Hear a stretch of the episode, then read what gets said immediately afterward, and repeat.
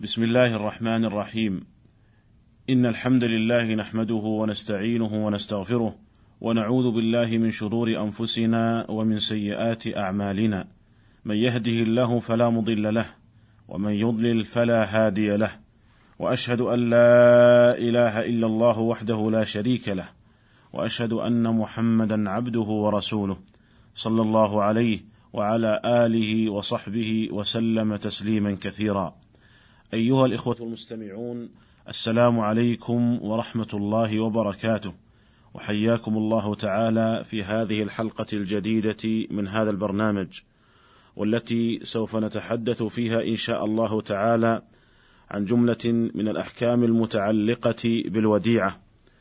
ونبتدئ اولا بتعريف الوديعة في اللغة وفي اصطلاح الفقهاء وبمعرفة حقيقة الوديعة شرعا. فنقول إن الوديعة في اللغة فعيلة من ودع الشيء إذا تركه سميت بذلك لأنها متروكة عند المودع. وأما حقيقتها في الشرع فهي, فهي اسم للمال المودع عند من يحفظه بلا عوض. والايداع توكيل في الحفظ تبرعا والاستيداع توكل فيه. أيها الإخوة المستمعون وبهذا التعريف يتبين لنا أن المال المودع يعتبر أمانة عند الشخص المودع يحفظه لصاحبه إلى حين أن يطلبه فلا يتصرف فيه. وهذا يقودنا إلى معرفة حقيقة الودائع المصرفية في الوقت الحاضر.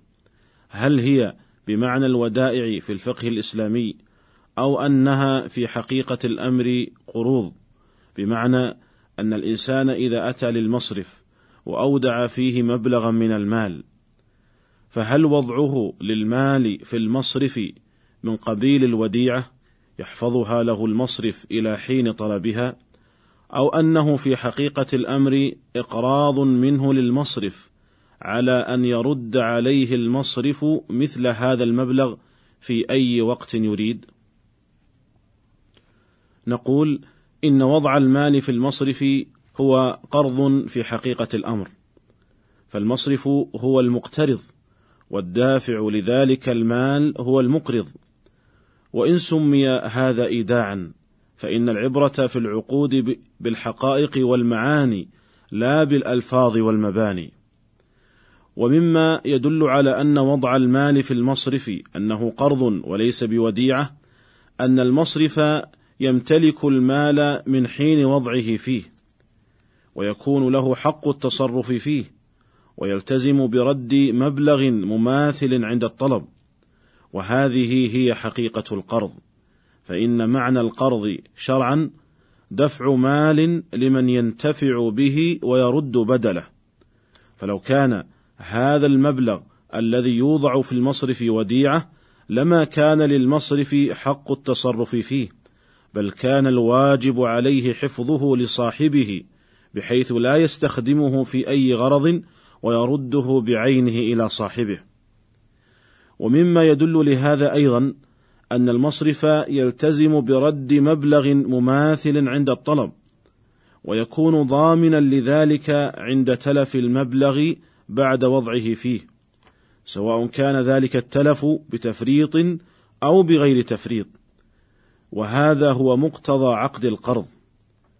ولو كان وديعة لكان أمانة عند المودع الذي هو المصرف فلا يضمنه عند التلف إلا إذا كان بتعد أو تفريط. وبهذا يتبين أن الأموال التي يضعها الناس في المصارف لأجل حفظها ويسمونها ودائع أنها في حقيقة الأمر قروض وليست بودائع. وبناء على هذا فإنه ينطبق عليها ما ينطبق على القروض من أحكام. وقد سبق أن تكلمنا عن هذه الأحكام في حلقة سابقة وفصلنا الحديث فيها.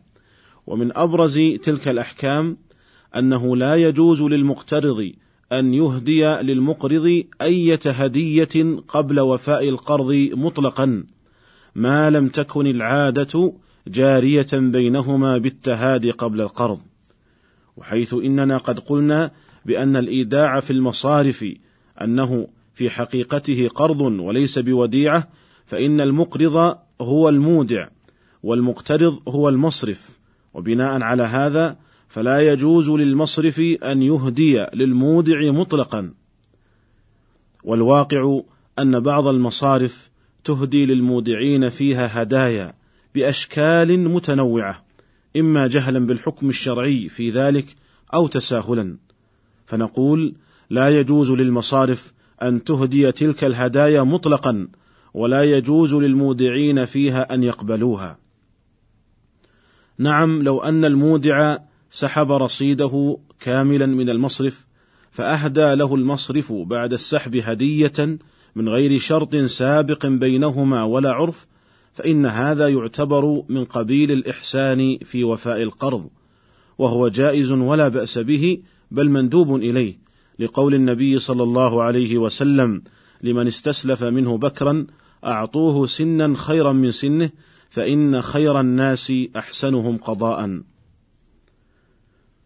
أيها الإخوة المستمعون وبهذا التقرير يتبين لنا أن العلاقة بين المصرف وبين العملاء المستفيدين من الحساب الجاري هي علاقة مقترض بمقرض، فلا يجوز للمصرف أن يعطي العميل أي زيادة على ما أودعه.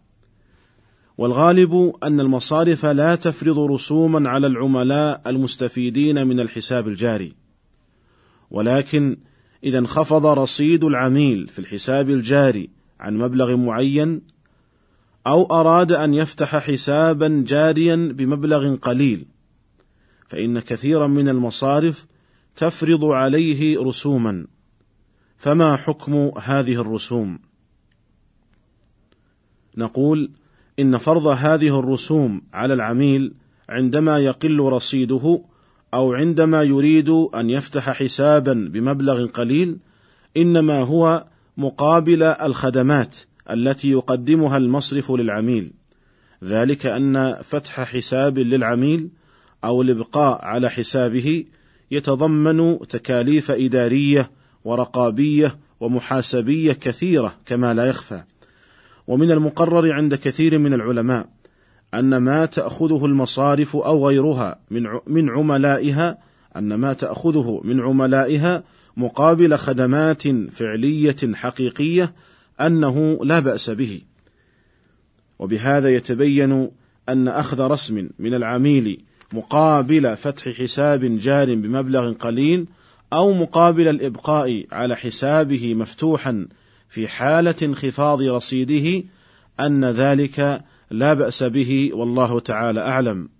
خاصة أن المصرف في هذه الحال يعتبر مقترضا لا مقرضا. فليس هناك مجال للشبهة في اختلاط الأجر بالربا، لأن المحذور إنما هو في الزيادة التي يتقاضاها المقرض من المقترض.